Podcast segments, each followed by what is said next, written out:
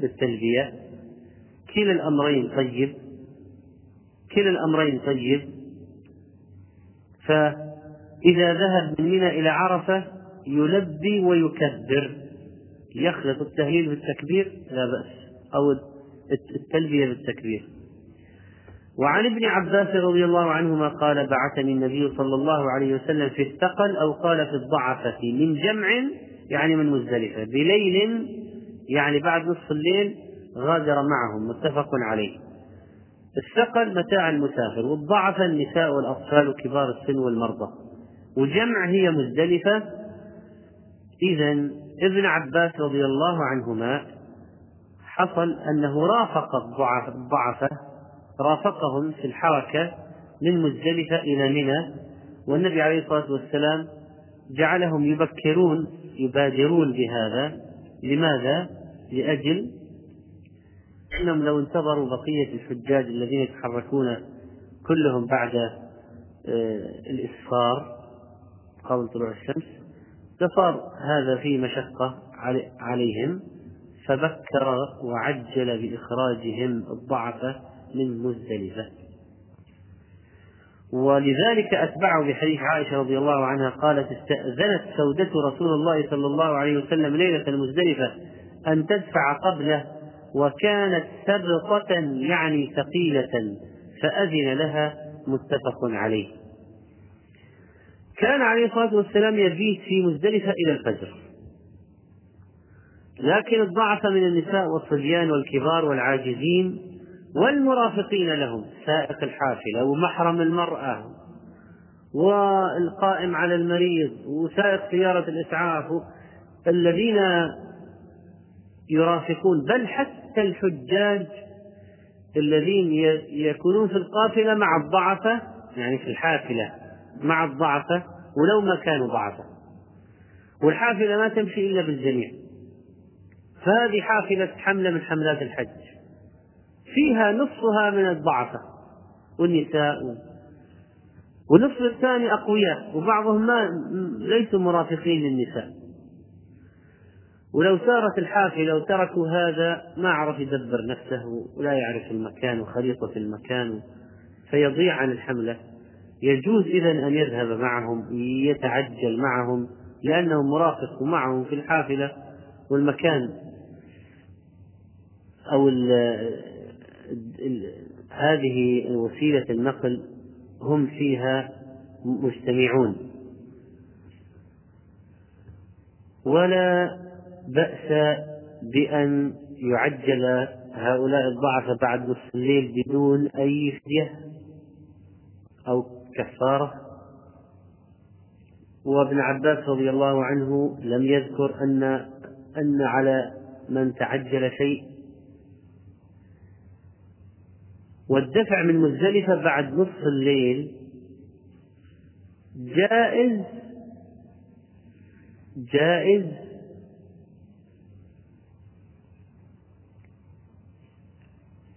عند الجمهور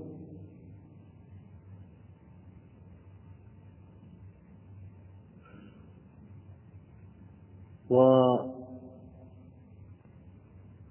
بعضهم إنه خاص بحق الضعيف وليس لبقية الناس أن يدفعوا وإلى هذا ذهب ابن القيم رحمه الله. وكان منهما تأكيد في المسألة يعني غير الضعفة ما يطلع من من مزدلفة بعد نصف الليل عند الجمهور يجوز لغير الضعف الخروج بعد نصف الليل ولكن الأفضل والسنة والأكمل والأكثر أجرا البقاء إلى الفجر وصلاة الفجر بمزدلفة وانتظار حتى الإسفار.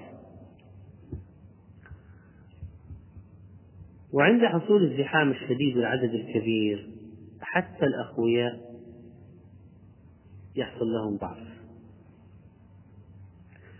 ولذلك علماؤنا المعاصرون لا يشددون على الناس في هذه المسألة. قضية البقاء في مزدلفة إلى الفجر. وعندما يرون الصعوبة البالغة في حركة الحجاج فلا يلزمون لكن السنة البقاء في مزدلفة إلى الفجر لغير الضعفاء. ولغير المرافقين لهم. وأي مكان وقف في مزدلفة جاز لكن المشعر الحرام السنة أن يأتيه بعد الفجر ويطلع يصعد عليه ويقف ويدعو الله مستقبل القبلة وهو جبيل صغير وهو الذي فيه المسجد الآن. الإتيان بعد صلاة الفجر إلى هذا المشعر والوقوف عليه سنة لمن تيسر له ذلك؟ اختلف العلماء في حكم المبيت في مزدلفة. ما حكم المبيت مزدلفة أصلا؟ فذهب الإمام أحمد إلى أنه واجب إلى بعد نصف الليل على غير السقاة والرعاة. والشافعي الصحيح من مذهبه أن الواجب جزء من النصف الثاني من الليل. يعني لابد أكثر من نصف الليل في مزدلفة ومالك قال الواجب هو النزول بمزدلفة ليلا قبل الفجر بقدر ما يحط رحاله.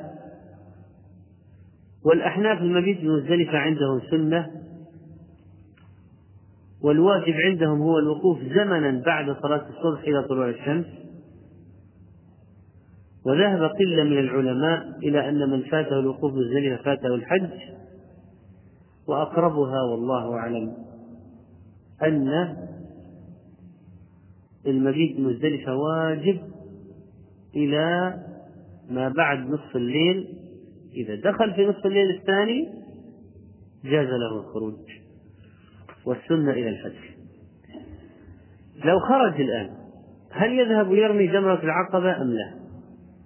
لو خرج النساء والضعفاء بعد نصف الليل من مزدلفة هل يذهبون لرمي جمرة العقبة؟ أتبعه بحديث ابن عباس رضي الله عنهما قال قال لنا رسول الله صلى الله عليه وسلم لا ترموا الجمرة حتى تطلع الشمس. رواه الخمسة إلا النساء وفيه انقطاع.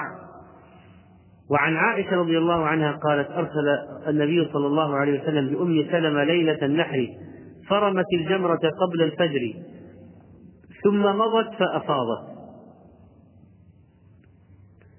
الإفاضة من عرفة إلى مزدلفة ومن مزدلفة إلى منى بعد ذلك.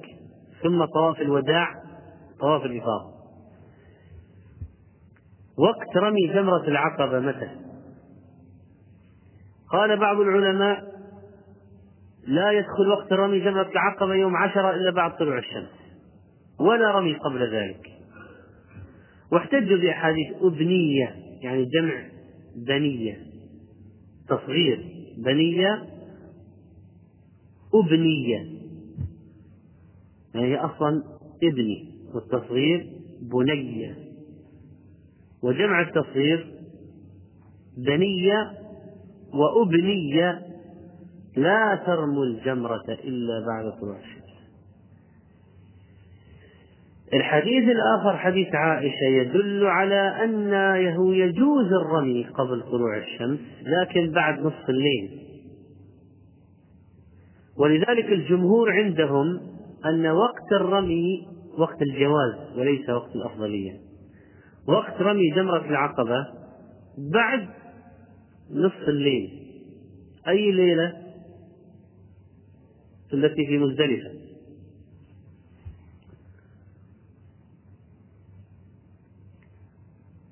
دخول النصف الثاني من ليلة النحر يبيح الرمي. بل وهذا الذي يفتي به علماؤنا المعاصرين في الحج علماء الحج أن الرمي والحلق والنحر والطواف والسعي كلها تبدأ وقتها بعد منتصف الليل في ليلة مزدلفة بمعنى لو ذهب بعد منتصف الليل من مزدلفة ورمى وحلق ونحر وطاف وسعى ورجع الفجر إلى منى يكون حج صحيحا ولا شيء عليه. لكن خلاف السنة خلاف السنة. السنة ما يطلع من مزدلفة إلا بعد الفجر بعد الإسفار وما يرمي جمرة العقبة إلا بعد طلوع الشمس. ثم تكون أعماله من الحلق والنحر والطواف طواف الإفاضة والسعي كلها بعد الشمس. يرجع يصلي الظهر في منى.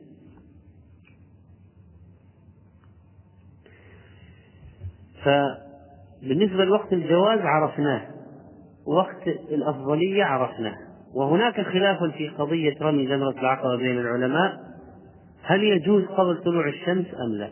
الأحوط ما يرمي قبل طلوع الشمس. والذي يفتي به علماء يعني ابن باز بن عثيمين في مساء في هذه القضية جواز الرمي قبل طلوع الشمس. وأن الأعمال هذه كلها يجوز فعلها بعد منتصف ليلة مزدلفة. وتلمس في فتاوى العلماء المعاصرين مسألة التيسير في هذه القضايا التي فيها مجال للتيسير نظرا للزحام الشديد الذي حصل مؤخرا. ما كان من قبل يحج بهذه الأعداد الضخمة؟ ما كانت السبل متيسرة للوصول إلى مكة كما هو الآن بوسائل النقل الحديثة ولذلك لما صارت الأعداد الكبيرة صرت ترى يعني في فتاوى العلماء ذكر الرخص تيسير يعني حتى لو ما سأله السائل عنها أدرجها وذكرها لأجل الحاجة إليها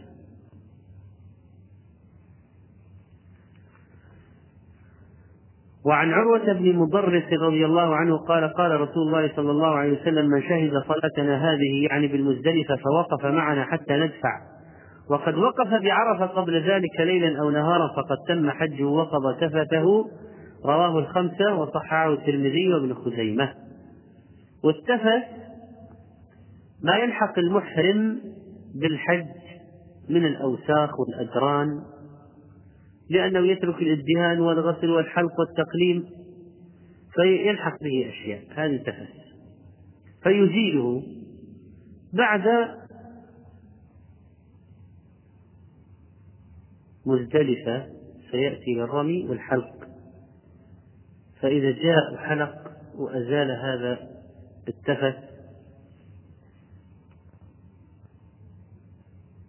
وقد استدل بالحديث على أن وقت الوقوف بعرفة يدخل من فجر يوم التاسع لأنه قال ليلا أو نهارا وهو شامل لما قبل الزوال. أما جمهور العلماء يرون أن وقت الوقوف لا يدخل إلا بالزوال. والعمل بقول الجمهور أحوط. يعني السنة أنك ما تدخل عرفة إلا بعد الزوال يوم تسعة. لكن لو دخلت قبل جاز. لكن ابتداء الوقت ابتداء الوقت لا يدخل إلا بالزوال. يعني لو واحد دخل عرفة في الصباح يوم تسعة وطلع قبل الزوال مشكلة على هذا. لابد يدخل لابد أن يكون وجود في عرفة بعد الزوال. لابد أن يكون موجودا في عرفة بعد الزوال وليس قبل الزوال. من ناحية ماذا؟ وقت الوقوف وقت الوقوف. قالوا لا يدخل إلا بالزوال وقت الوقوف. لكن لو أنه دخل قبل المغرب لابد يمكث إلى المغرب. ولو دخل بعد المغرب أي وقت من المغرب للفجر له وقوف. إذا لو واحد ما أدرك عرفة إلا بعد مغرب يوم تسعة فإنه حجه صحيح. أي أي ساعة شاء من ليل أو نهار. أي ساعة من ليل أو نهار. لأجل الحديث وقد وقف بعرفة قبل ذلك ليلا أو نهارا. فقد تم حجه.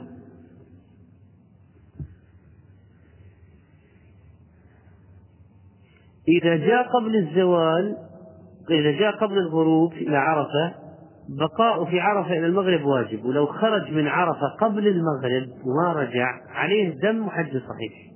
لأنه وقف وقف في عرفة. لكن إلى المغرب واجب. لو وصل بعد المغرب يكفي أن يقف لحظة. لو دخل من وراء العلامة وطلع. يعتبر وقف بعرفة.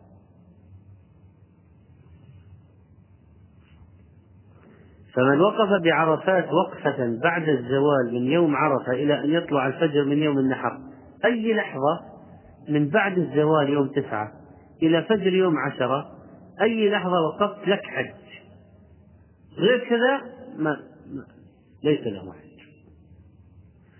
عند الحنابلة من فجر يوم تسعة إلى فجر يوم عشرة. أي وقت وقف له حج. بغض النظر عما يلزمه لو خرج قبلها من دم أو فعند الجمهور أن وقت الوقوف يبدأ من الزوال. يعني إذا أدرك أي لحظة من بعد زوال يوم تسعة إلى فجر يوم عشرة. وكذلك فإن شهود الصلاة شرط لصحة الحج لأنه قال من شهد صلاتنا هذه وكان بمزدلفة. فوقف معنا حتى ندفع وقد وقف قبل ذلك بعرفة قبل ذلك ليلا أو نهارا فقد تم حجه. إذا الذي يصلي ولا يحج ما له حج لأنه قال شهد صلاتنا. طيب هل يشترط أن يكون الذي وقف بعرفة يعرف أنه وقف بعرفة؟ استدل بهذا الحديث الفقهاء أنه يصح حجه ولو ما عرف أنها عرفة. واحد ذهب وقف ولا يدري أين وقف وخرج ثم سأل واتضح له أن ما أنه وقف بعرفة فعلا. فإذا حجه صحيح. ولو واحد أقلع الطائرة من هنا يعني يوم تسعة عنده عمل. عنده عمل إلى الساعة الرابعة. نهاية الدوام يوم تسعة. حجز إقلاع سبعة المغرب. دخلنا في ليلة عشرة. ووصل إلى مكة. إلى عرفة مباشرة. الساعة 11 في الليل. 12 في الليل. وصل الساعة 11 في الليل إلى عرفة. دار حول الحدود دخل وطلع إلى مزدلفة مباشرة. له حج. فله حج.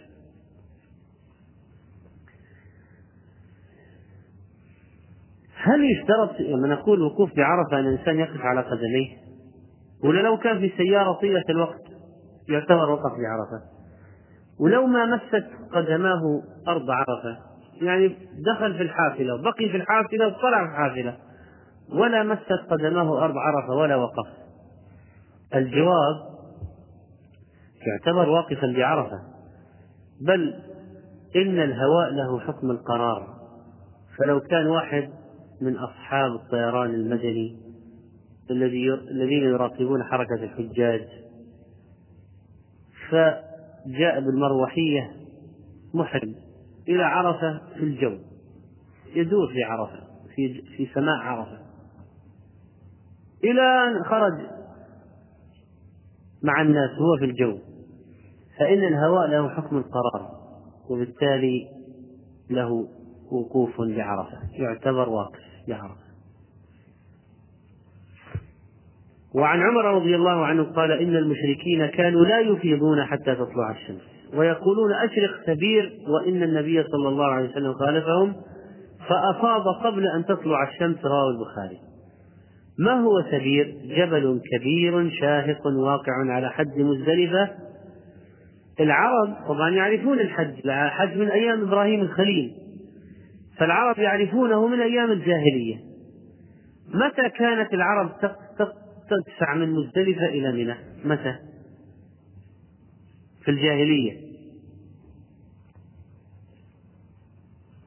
بعد طلوع الشمس. النبي عليه الصلاة والسلام متى دفع من مزدلفة قبل طلوع الشمس. هو لما جاء للحج وقف في مزدلفة وهؤلاء قريش عندهم رواتب الجاهلية حديث عهد الآن طلعوا من الجاهلية. كانوا يتوقعون أن النبي عليه الصلاة والسلام ما يخرج من مزدلفة إلى منى إلا بعد طلوع الشمس. لأنهم هكذا كانوا يفعلون في الجاهلية ويأتون إلى جبل ثبير وهم في مزدلفة ويقول أشرق ويقولون أشرق ثبير دع الشمس تطلع من ورائك. كيما نغير يعني ننفر من مزدلفة إلى منى. فينحبسون حتى تطلع الشمس. ففوجئوا أن النبي عليه الصلاة والسلام قبل طلوع الشمس تحرك من مزدلفة انتظر الإسفار تحرك إلى منى.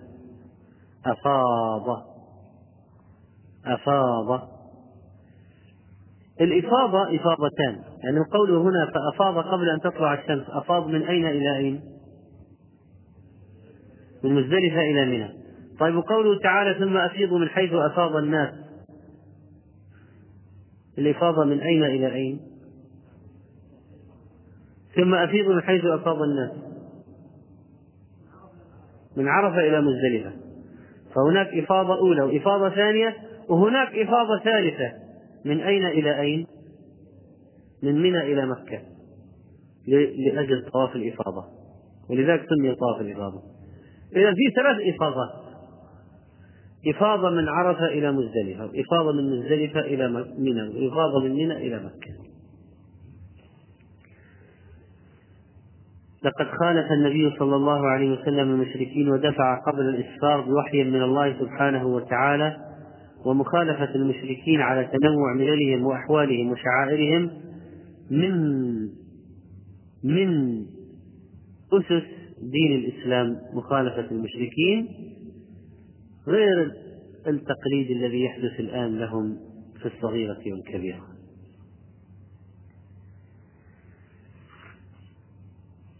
بعد ذلك نختم برمي الجمار. ورمي الجمار التجمر التجمع وسميت الجمار لاجتماع الناس حولها أو لاجتماع الحصى عندها. وهي جمرة صغرى أولى تلي مسجد ثم وسطى ثم كبرى. أي الجمرات الثلاث أقرب إلى مكة؟ نعم. أي الجمرات الثلاث أقرب إلى مكة؟ الكبرى العقبة. جمرة العقبة. لكن جمرة العقبة كانت ملتصقة بعقبة. سميت جمرة العقبة لالتصاقها بعقبة. العقبة طبعا جبل صغير يعني. العقبة كانت هذه الجمرة ملتصقة بالمرتفع هذا أو المرتفع هذا نصف دائرة. مع أعمال التوسعة مع أعمال التوسعة أزيلت هذه العقبة في عام 1377 للهجرة.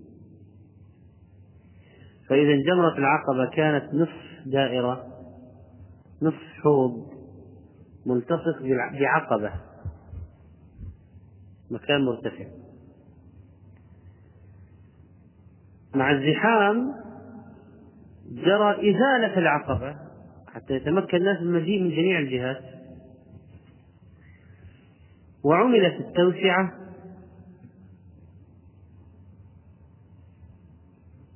وأنشئ في عام 1383 الجسر الثاني للجمرات.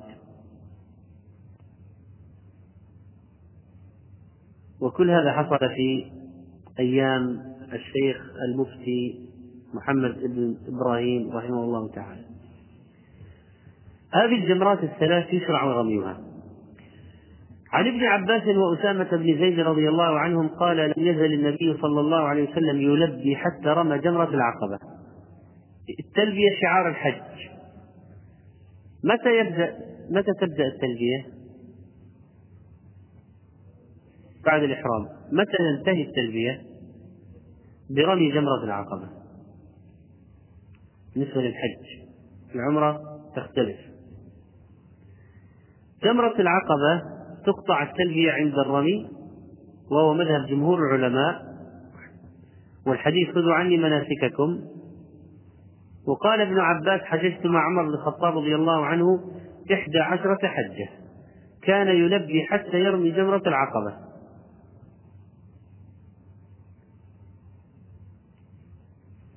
وعن عبد الله بن مسعود رضي الله عنه أنه جعل البيت عن يساره ومنا عن يمينه ورمى الجمرة بسبع حصيات وقال هذا مقام الذي أنزلت عليه سورة البقرة متفق عليه.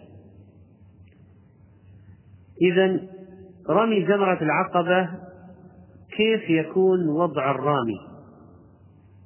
كيف يكون وضع الرامي؟ يجعل مكة عن يساره ومنى عن يمينه. يقف في بطن الوادي وهو يكاد يكون أقل الأماكن زحاما. يعني إذا أردت أن تعرف المكان الذي ترمى فيه من السنة شوف أقل زحاما أقل الناس اجتماعا عليه هو المكان الصحيح أو هو المكان المشروع الذي من السنة رميه من بطن الوادي. لأن الآن قلنا إن الجمرة مرتفقة كانت بجبل. بعقبة أين الناس أين كان الناس يرمون؟ من جهة المعاكسة للعقبة الجهة المعاكسة لعقبة العقبة هذه بطن الوادي فيستقبلون الجمرة يرمونها ووراء الحوض ماذا يوجد؟ الجبل لما أزيل الجبل الناس يأتون من الجمرة الوسطى إلى العقبة ويرمون أول ما يصل. مع أن السنة أن يستدير ويأتي من بطن الوادي. يعني تأتي بعكس يكون وجهك في الاتجاه الذي جئت منه من الجمرة الوسطى. فإذا جئت من الجمرة الوسطى إلى العقبة لا ترمي مباشرة أول ما تصل العقبة وإنما خذ لفة. واجعل وجهك إلى الجمرة الوسطى الاتجاه الذي جئت منه. يكون بطن الوادي والمكان الذي من السنة أن ترمي منه. بحيث تجعل مكة عن يمينك ومنى عن يسارك وأنت بطن الوادي ووجهك للجمرة الصغرى. هذا هو المكان.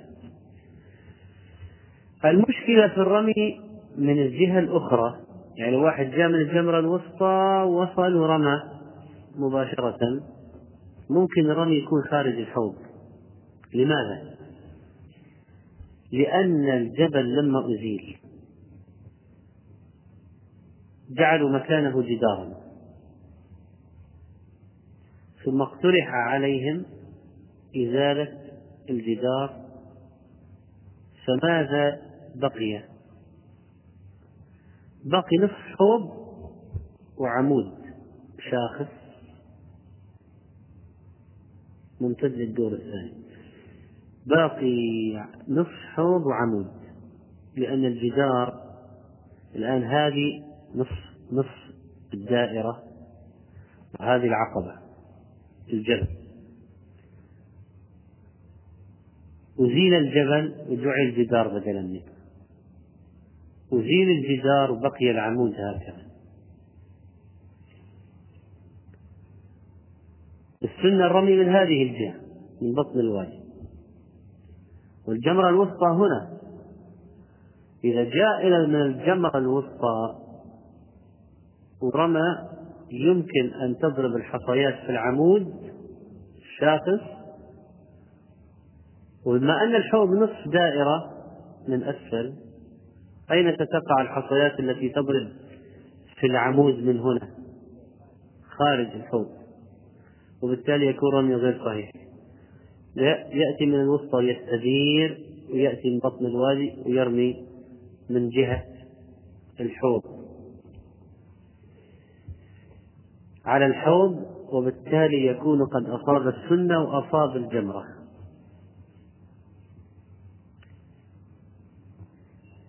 ويقول ابن مسعود رضي الله عنه في هذا الحديث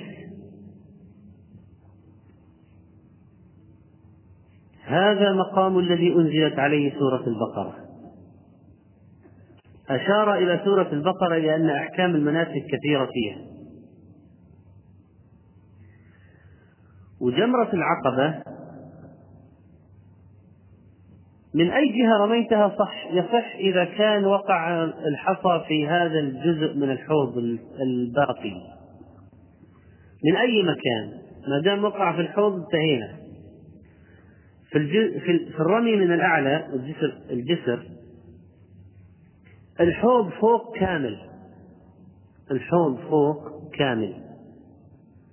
لكن إذا إذا كنت في الأسفل ونظرت إلى الحوض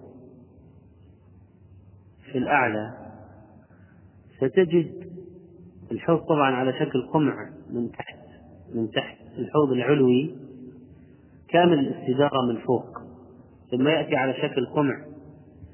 ستجد أن الفتحة التي ينزل منها الحصى من الدور العلوي إلى الحوض نصفها مغلق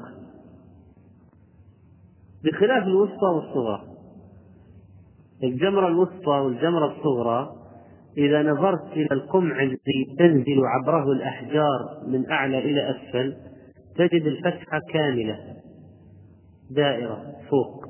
لماذا؟ لأن الحوض تحت كامل.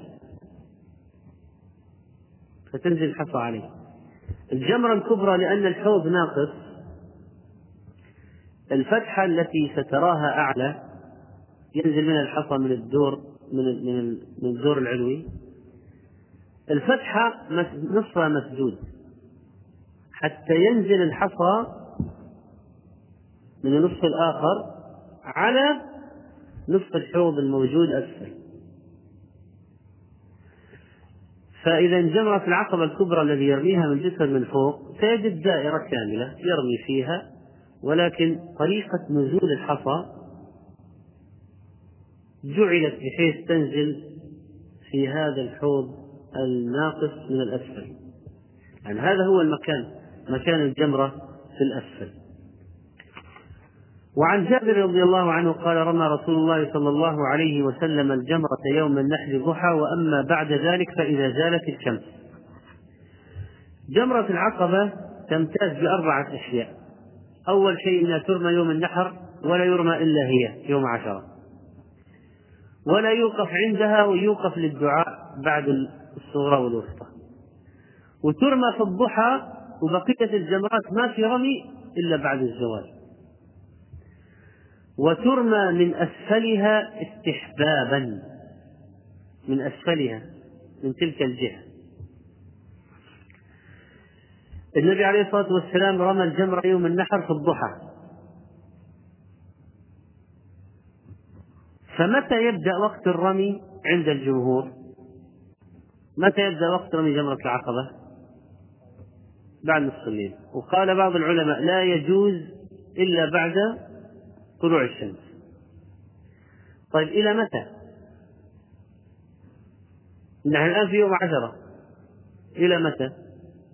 لا. إلى الليل. الوقت مفتوح.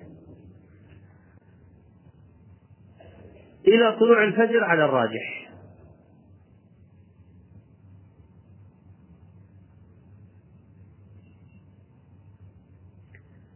طبعا العلماء المذاهب الأربعة متفقة للمغرب. يعني إلى مغرب يوم عشرة كل وقت لرمي جمرة العقبة.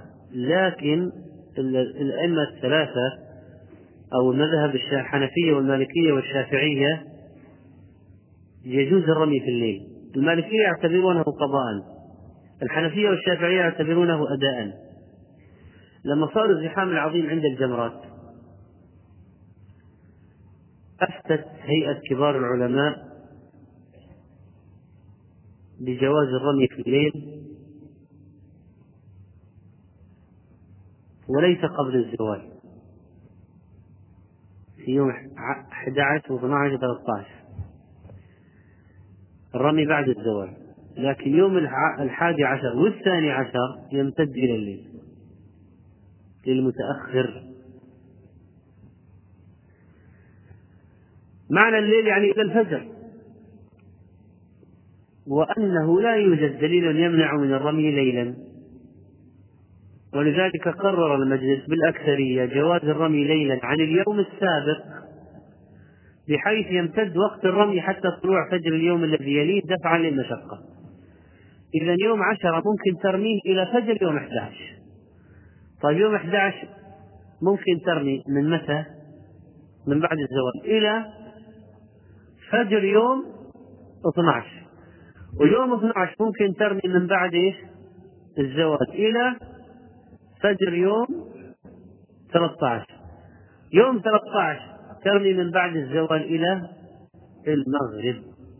خلاص المغرب آه، انتهى التشريق. ما ما في ليل الآن ترمي فيه. فإذا اليوم الثالث عشر لابد ترمي نهارا. لابد. طيب بناء على ذلك ما هي أطول أطول الجمرات وقتا في الرمي في الأيام. العقبة يوم عشرة. العقبة يوم عشرة لأنه يبدأ من منتصف ليلة النحر إلى فجر اليوم الذي بعده. نعم. طبعا لا يحتاج الناس هذا في يوم عشرة. يوم عشرة الظهر الناس أكثرهم منتهين. عصر المغرب يعني خلاص ما لكن الزحام يوم الحادي عشر. نعم والثاني عشر. ما هو مذهب الإمام أحمد؟ المشهور من مذهب الإمام أحمد أن الرمي ينتهي وقته متى؟ في المغرب. المذاهب الثلاثة يمتد إلى الليل وعند المالكية يكون قضاء. وعند الحنفية والشافعية يجوز إذا هيئة كبار العلماء أخذت برأي بمذهبي الشافعية والحنفية في هذه المسألة. وعن ابن عمر رضي الله عنهما أنه كان يرمي الحديث الأخير في هذا اليوم عن ابن عمر رضي الله عنهما أنه كان يرمي الجمرة الدنيا بسبع حصيات يكبر على إثر كل حصاة ثم يتقدم ثم يسهل. فيقوم فيستقبل القبلة ثم يدعو ويرفع يديه ويقوم طويلا. ثم يرمي الوسطى ثم يأخذ ذات الشمال فيسهل. ويقوم مستقبل القبلة ثم يدعو ويرفع يديه ويقوم طويلا.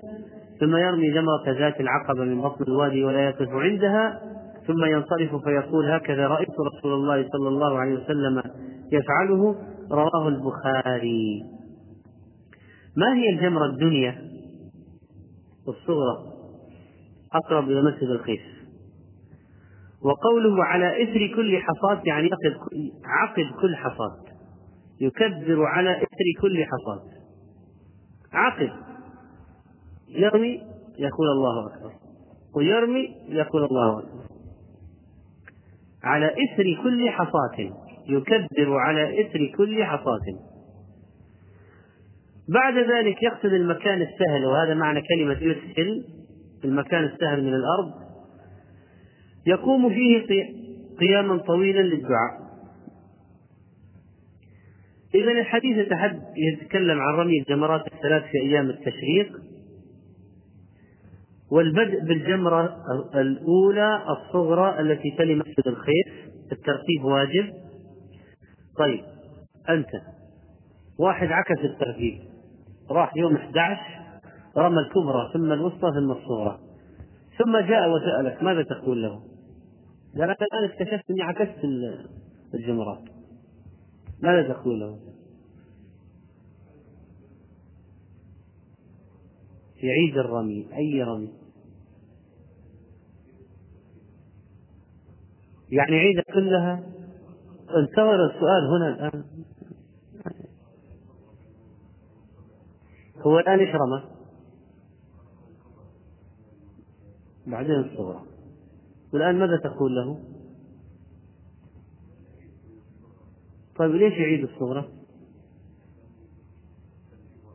طيب هو الآن رماها جاك ورمى الصغرى فالآن لكي يرتب لا يحتاج إلا إلى إعادة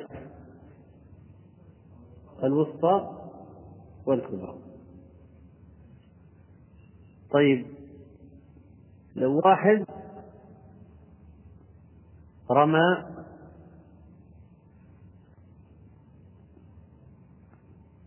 بدأ من الجمرة الوسطى